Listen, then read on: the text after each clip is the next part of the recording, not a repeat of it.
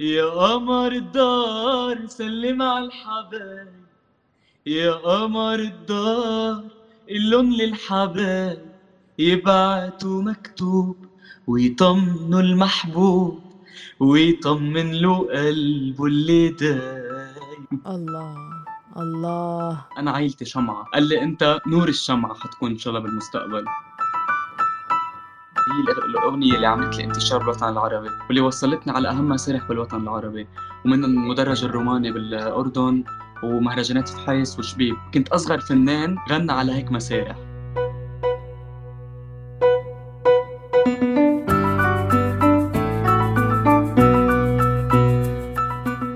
سمعتوا صوت إياد. صوت ما بيخفى عن كتار منكم. فنان ومغني لبناني بدأ مشواره الفني وأنتج أولى أغنياته الخاصة من أربع سنوات فقط وهي مدة قصيرة مقارنة مع حجم النجومية والجماهيرية يلي قدر يوصلها خلال هالمدة كيف قدر يحقق هالشي؟ من وين كانت البداية؟ وشو الأغنية يلي كانت سبب ورا انتشاره ووصوله لمسارح كبيرة وتفاصيل كتيرة عن شخصيته وحياته رح نسمعها بهالحلقة من بودكاست صارت معي أنا اكتشفت موهبة صوتي على عمر 11 سنة ونميت هيدي الموهبة شوي شوي لحتى كنا بالمدرسة واكتشفتني وقتها أستاذ الموسيقى وقال لي بتذكر يوم من الأيام أنا عيلتي شمعة قال لي أنت نور الشمعة حتكون إن شاء الله بالمستقبل. أه وكان دايما أنا غني وحدة سولو بالمدرسة لحد ما وصلت على ال terminale كان في بطولة مدارس وقتها. وقتها أخذت جائزة الأونسكو الأولى أنا بطولة لبنان. أه وكنت وقتها عم تابع الدراسة الموسيقية مع الملحن يحيى الحسن ومع الاستاذ البايع بحب اوجه لهم تحية كثير كبيرة. اللي كانوا دائما عم يتابعوني إنه من أنا من عمر صغير يعني. أه، فقررت أعمل أول عمل اللي هو ضريبة على الجمال. والحمد لله كان صدى الغنية كثير حلو والناس كثير حبت كل شيء قدمته. لحد ما وصلت أه، لليوم. وآخر عمل قدمته اللي هو غنية هيدا أنا من إنتاج روك برودكشن وكلمات أنور مكاوي وألحان وتوزيع أه، جمال ياسين. والحمد لله صدى الغنية كان كتير حلو عبر ال social media عبر تيك توك عبر انستغرام وبعدني لهلأ عم لاقي صدى الغنية. نرجع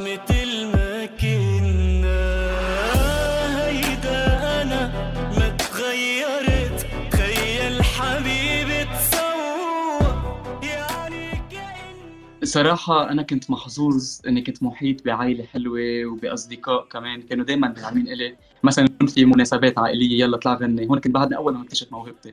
كانوا يدعموني أطلع غني. أه، حتى بالمناسبات أنا وقتها كنت أظهر أنا وأصدقائي مثلا بأعياد ميلاد وهيك. يلا إياد سمعنا صوتك غني لنا. أه، فالحمد لله هيدي نعمة أه، قليل ما يكون ناس محظوظة فيها. فالحمد لله كان منعم علي بعائلة حلوة وبأصدقاء كانوا. يعني لهلأ بعدنا. من نحن وصغار يشجعوني دايما. وكنت أسمع الكلمة الحلوة والقصص اللي, اللي- يعني انطقت فيها بالعكس. كنت اخذها وأقدر شو أقدر أحسن بحالي أشتغل عليها. أتقبل القصص الاثنين الايجابيه والسلبيه إياد بيشوف إنه دور الأهل يوعوا الطفل لهواياته ويشجعوه لكن بدون ما يوصلوه لدرجة الغرور. بالعكس لازم يوجهوه بطريقة بحيث دائما يكون عارف قدر نفسه وأهل إياد. بالبداية ما كانوا مستوعبين فعليا إنه هو رح يسلك طريق الفن ويصير مغني بساحة مزدحمة بالأسماء الكبيرة من الفنانين. صراحة أول شيء كانت مسحة ما كانوا يعني مستوعبين الموضوع. لحد ما وصلت ترمينال وأخذت وقتها جائزة الأونسكو هون وقتها أنا يعني اشتغلت حالي وكانوا أهلي دائما داعمين لي حتى والدتي. كنت بتذكر خلص و- ونروح سوا أنا وياه على الكونسرفاتوار كانت شوي بعيده عن المنطقة اللي إحنا فيها. فهيدي قصص أكثر شيء يعني بتذكرها أنا إنه كانوا دائما داعمين لإلي وخاصه والدتي أكثر شيء يعني. وبيي كمان أكيد يعني ما ما مقصر معي كان. واحتراف الغناء كان مشروط من قبلهم. إنه خلص دراسه ال- الم- دراسه المدرسية والجامعية وانه ارجع كمل بالفن. يعني هيدا كان شرطنا الاساسي أول شيء أنا دارس خريج الجامعة الأنطونية audio visual cinematography أربع سنين تخرجت ويعني وقفت شوي الفن بحدود سنة ونص. كانت وقتها آخر سنة بتعرف أنت آخر سنة بالجامعة وتكون فيها كتير درس وكتير بروجيات لحد ما خلصتهم كلهم ورجعت هلأ بقوة إن شاء الله. دراسة الإخراج إلها أهميتها ومكانتها عنده. بالنسبة لي experience أكثر يعني كإخراج بكرة أنا عندي فيديو كليب براسي بدي أعمله. experience experience أكثر صراحة. وأكيد إذا إجاني project كثير حلو أكيد بشتغله إن شاء الله. لإلي أو لغيري أكيد. من الطفولة تأثر إياد بأصوات لبنانية عريقة؟ صراحة نحن بالبيت وجو عائلتنا أنا ربيت على صوت الست فيروز بالبيت. يعني من والدتي من من تيتا من من كل العائلة ربيت على صوت الست فيروز والعملاق الكبير وديع الصافي. يعني كنت في على بتذكر ما كنت نام لحتى يغنوا لي هيدا المقطع من الغنية. عم خبرك قصص هدول كثير details يعني. قد ما كنت كثير بحب الموسيقى من أنا وصغير. فكنت مأثر كثير بهيدي المدرسة أكثر شيء وزيادة عن هيك بالكونسرفاتوار الوطني ركزوا لنا أكثر شيء على هيدول على هيدي المدرسة. إذا بتتابعوا أياد على ال social media رح تحسوه قريب منكم جدا.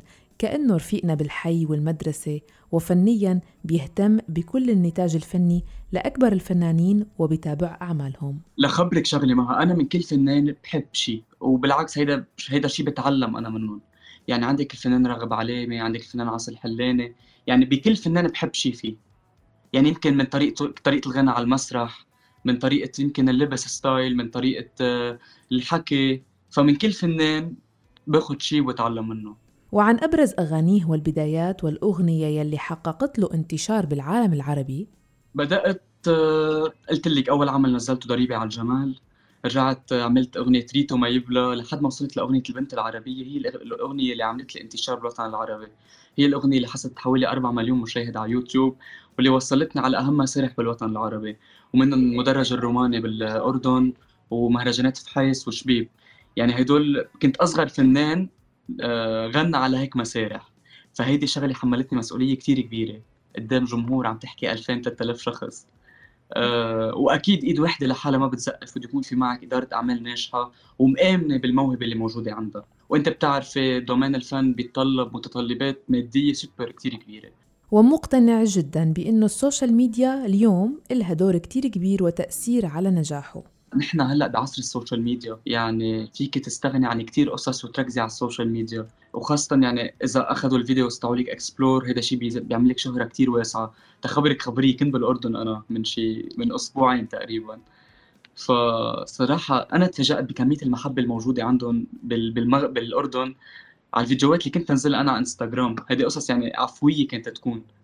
إنه في فيديوهات كثير explore كانت جابت ملايين views على عبر ال social media القصص الحلوة بتوصل للعالم صارت. وأكيد ال social media بقرب الفنان من جمهوره من يومياته ويشوفوا الفنان على طبيعته ويشوفوا التصرف كيف يتصرف. بالعكس شيء كثير مهم ال social media كيف قدر يبلور شخصيته ويصقلها ليواجه التغيرات يلي صارت بحياته والانتقادات يلي بيتعرض لها؟ طريقة تعاملك مع الناس مع العالم هيدا الشيء بيعلمك. بيعلمك كثير قصص. وسنة عن سنة بتكتشفي قصص كثير كمان. يعني أنا إياد هيدي السنة غير إياد السنة الماضيه واللي قبلها واللي قبلها والسنة الجاي يكون غير هيدي السنة أكيد. الإنسان بده يحسن القصص السلبية اللي فيه. بده يسمع شو الناس بتكره فيه لحتى يظبطها. يعني ليك صراحة أنا يعني كنت كنت خجول كنت خجول. هيدا الشيء كسرته هلأ. يعني بتعرفي أنت أول ما تبلشي خاصة عن عمر صغير شو عم تحكي عمر 15 سنة و16 سنة اطلع live live TV وهيك. فسنة عن سنة كله تغير. كل شيء تحسن طريقة حكي طريقة أسلوبي أه الوقت بيعلمك وكلها experience كمان. الوقت كثير بيعلمك. أياد عنده أخين توأم أصغر منه بخمس سنين عايشين مع أبوهم بأفريقيا والغربة صارت واقع تعودوا عليه اللبنانيين. الصراحة على القصص اللي عم نعيشها ببلدنا يعني نحزن على بلد مثل لبنان ومثل بيروت نعيش هيدي الظروف اللي عم نعيشها حاليا. فعلى أمل نضل ببلدنا هيدا الشيء اللي بنطمح له خاصة جيل الشباب جيلنا نحن. نحن ما بدنا نهاجر ما بدنا نفل بدنا نضل موجودين ببلدنا. فهيدا الشيء اللي عم نسعى له دائما عم نسعى له كل شيء واجهه إياد من استخفاف بموهبته أو استصغاره كفنان بيعتبره فرصة ليقوى أكثر كثير ناس يمكن ما آمنوا بموهبتي أول ما بلشت وما آمنوا فيي. بالعكس بقول لهم أنا هيني هون وصلت ورح أوصل إن شاء الله لكثير أمور بعد. قوتني وزادت لي ثقة بنفسي أكثر على إنه بده في نهار حأوصل إن شاء الله وأثبت لهم هيدا الشيء. إنه كل حدا عنده هدف وعنده طموح يشتغل دايما عليه إلا ما تجيهم فرصة ويحققوا هدفهم. بيآمن جدا بفكرة إنه كل شيء في له حدود ليقدر الإنسان يضل متوازن ويكمل. آه ما بحياتك بدك تعملي limit لكل شيء limit للأصدقاء limit آه يعني بده يكون عندك حياتك الخاصة اللي ما حدا يعرفها. يعني هيدي بالنسبة للحياة هيدي privacy لإلك أنت مش لضروري الناس كلها تعيشها وتشوفها و... وتفوت فيها يعني. وتكوني بذات الوقت رفقة مع الكل ما تعملي مشاكل مع ولا أي حدا وتخلي الكل يحبك وتحبيه. ليك الواحد بده يستغل شهرته بطريقة إيجابية مش بطريقة سلبية. هيدا الشيء بده يقويه هيدا الشيء بده يخليه يخاف من حاله على الناس. يعني هو يعرف شو يوصل للناس كيف يتعامل مع الناس. فأكيد في كتير قصص أنا كتير بعيد عنها وإن شاء الله يا رب بضل على قد هالكلمه وما بقرب صوبها أكيد. انت فهمتي علي وأكيد المستمعين فهموا. فإن شاء الله ضل على هيدي الثقه اللي اعطوني إياها أهلي أول شيء وعائلتي وكل اللي بيحبوني. وأسباب نجاحه من وجهة نظره؟ الثقه بالنفس بطريقة إيجابية أكيد مش بطريقة سلبية في فرق. القصص اللي بقدمها عم حبها وخاصة هذا الشيء عم بشوفه عبر ال social media عبر ال comments الاستقامة كمان. يمكن عفويتي يمكن طريقة القصص اللي عم اقدمها على ال social media بطريقة عفوية ومهضومة. يعني مثلا example كنت طالع ظاهر أنا. حاطط التليفون بغني غنية بنزلها reel بعمل explore الناس ما بقى بدها قصص المتصنعة وال... والورا الكاميرا. خلص ناس بدها شيء تحس على طبيعته الفنان على طبيعته الشخص. إن شاء الله دائما أقدم القصص الحلوة لكل المستمعين ودائما ضل على قد الثقة. و... وأكيد هدفي وطموحي كتير كبير إن شاء الله. وإن شاء الله نوصل لكل شيء بنحبه أنا وكل اللي عم يسمعوني.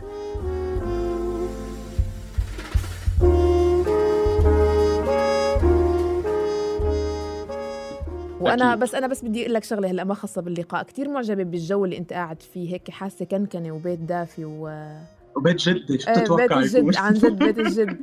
سلم لي على الموجودين وخاصة تيتا إيه. تيتا مهووسة بالقصص القديمة. يا الله شو يعني شو بتلاقي قصص إيه. إيه قديمة. يعني عندها هيدا الريج اللي عمره يمكن 100 سنة. يا الله شو حلو. يعني بتحب بتحب المزادات. كمان. أكتر شيء إيه. بتجيبهم. بتحب عندها هوس فيهم. والسجاد القديم وهالقصص سلم لي على التيتا. وإن. شاء الله دائما هيك محاط بجو دافئ وداعم وناس محبين. هذا أهم شيء. ميرسي كتير إلك فيخليكم يا رب.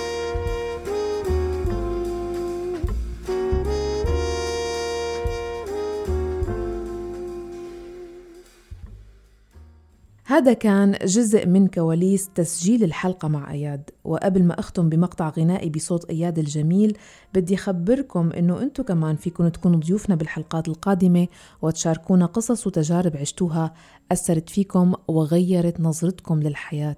لا تترددوا أبدا شو ما كان مضمونها راسلوني عبر الواتساب 00971 568 531 592 واسمعونا دايما من خلال موقعنا الآن دوت اف ام وجميع منصات البودكاست. بالإعداد والتقديم كنت معكم أنا مها فطوم. رح خليكم هلأ مع أجواء ختام حلقتنا. إلى اللقاء. يا قمر الدار سلم على الحبايب. يا قمر الدار اللون للحبايب. يبعتوا مكتوب ويطمنوا المحبوب. ويطمن له قلبه اللي دايب. سهرونا وراحوا راحوا من زمان والقمر بدارنا ناطرنا وسهران.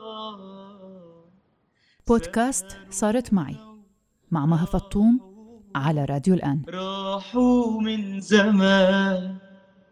والقمر بدارنا ناطرنا وسهران ناطرنا والليالي حلوة حلوة بخصرة عم تغوي وشريطة حرير طير بشعر النعسان يا قمر الدار سلم على الحبايب يا قمر الدار. اللون للحبايب يبعتوا مكتوب ويطمنوا المحبوب ويطمن له قلبه اللي دايب. الله الله.